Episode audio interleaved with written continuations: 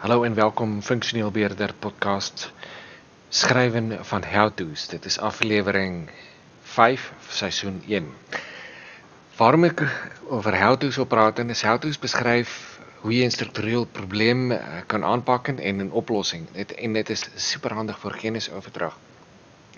How To moet jy duidelik beskryf in 'n stappenplan uh sodat daar weinig aannames zijn en het liefst maak jy ook nog skermafbeeldinge en dan kan jy byvoorbeeld 'n toeltjie gebruik as screenshot en dan uh dinge arseer of lyntjies daarin trek en uh jy kan ook nog case studies gebruik en waar jy die voorbeeld nader toelig en die oplossing. En by 'n groot aantal how-to's uh geskrywe help dit om verbande te leg en sodoende kan jy sneller insidente en issues oplos.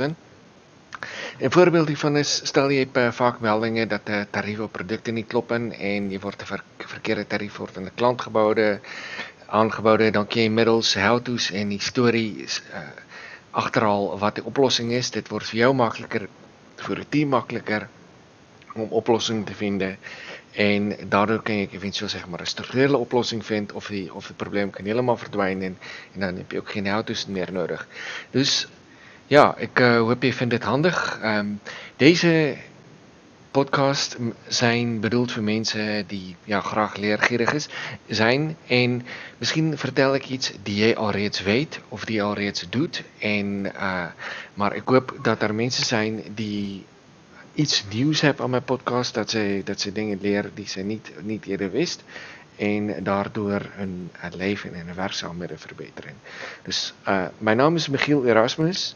Dit was uh Funksioneel Beheerder podcast seisoen 1 aflewering 5. Jy kan my kontak by the BA podcast @gmail.com of surf na erasmus-ict.nl. My naam is Michiel Erasmus. Einde podcast. dankjewel